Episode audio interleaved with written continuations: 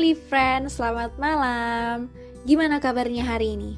Aku berharap kabar kalian baik-baik aja ya. Dan juga aku nggak bakalan bosan untuk ngingetin ke kalian untuk jangan lupa bahagia ya Live Friends. Malam ini kita bertemu lagi via suara bareng aku Elisa di podcast Litime IDN.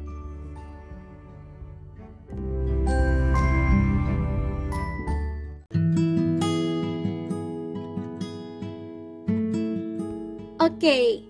untuk minggu ini aku mau ngajak Live Friends nih, kita sama-sama membahas tentang love language.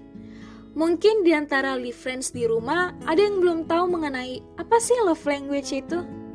Jadi, secara singkatnya, love language itu merupakan cara kita untuk mengekspresikan rasa sayang kita terhadap orang lain dan umumnya ke pasangan kita sih. Sebenarnya, pembahasan ini merupakan pembahasan yang gak bisa disamaratakan untuk semua orang. Karena kadang, bahasa atau ekspresi atau mungkin perilaku yang mencerminkan rasa sayang itu benar-benar berbeda setiap orangnya. Ada yang mungkin bucinnya kebangetan, ada yang cuek tapi kayak langsung action, ada juga yang gak sering tapi beberapa kali romantis. Ya, itu semua benar-benar masalah tipe masing-masing orang sih. Mungkin kita sendiri kadang suka bingung cara mengungkapkan sesuatu ke orang yang kita sayang.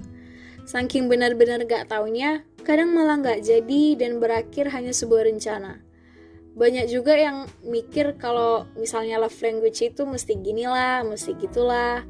Padahal sebenarnya mau gimana pun kita mengekspresikan sebuah rasa sayang itu gak melulu tentang yang terlalu berlebihan gitu loh.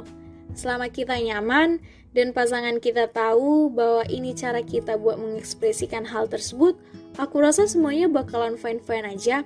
That's why kita harus paham betul cara dan gaya love language kita, live friends. Kalau aku pribadi, aku sangat menghargai banget orang yang mengucapkan kata sayang itu sesekali aja. Kayak aku pingin kata-kata yang dilontarin itu jadi spesial Bayangin aja kalau misalnya kata-kata kayak I love you atau aku sayang kamu itu sering diucapin. Hasilnya jadi biasa aja kan? Makanya aku pingin kata-kata itu diucapin saat-saat tertentu aja gitu. Oke, okay, balik lagi ke pembahasan gimana cara kita mengenali love language itu sendiri. Kalau setahu dan sepemahaman aku, buat cara kita mengekspresikan suatu hal itu ada macam-macamnya bisa dengan ngasih kata-kata yang kayak aku contohin tadi, bisa lewat hadiah atau kado, bisa tentang quality time dengan tindakan, atau mungkin bisa dengan sentuhan fisik. Itu semua benar-benar balik lagi ke personality masing-masing orangnya. Karena semua orang benar-benar punya caranya sendiri buat mengekspresikan suatu hal.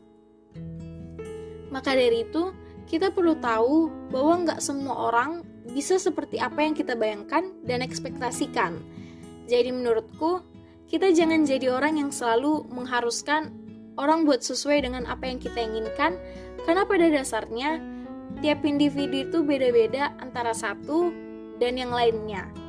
Jadi mungkin saling memahami merupakan hal yang paling penting dalam menjalin sebuah hubungan. Gimana live friends? Pada ngerasa kebantu nggak nih? Aku berharap semoga kalian kebantu ya. Soalnya aku percaya semua orang pasti ngelewatin proses, cuman beda-beda aja kisahnya. Nah, kalau kalian mau request ke aku buat ngebahas apa lagi di pertemuan selanjutnya, boleh banget. Kalian bisa ngasih saran melalui Instagram resmi Litime IDN, yaitu at leisuretime.idn.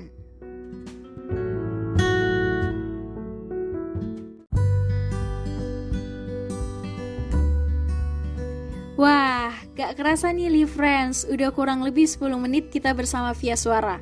Gimana pembahasannya malam ini? Semoga bisa ngisi kekosongan kalian malam ini ya Live Friends. Dan juga makasih udah dengerin podcast kita malam ini. Udah waktunya untuk aku undur diri. Sampai jumpa lagi di Kamis malam selanjutnya. Jangan lupa pesanku untuk terus bahagia ya Live Friends. Aku Elisa, pamit undur diri dulu. Bye-bye.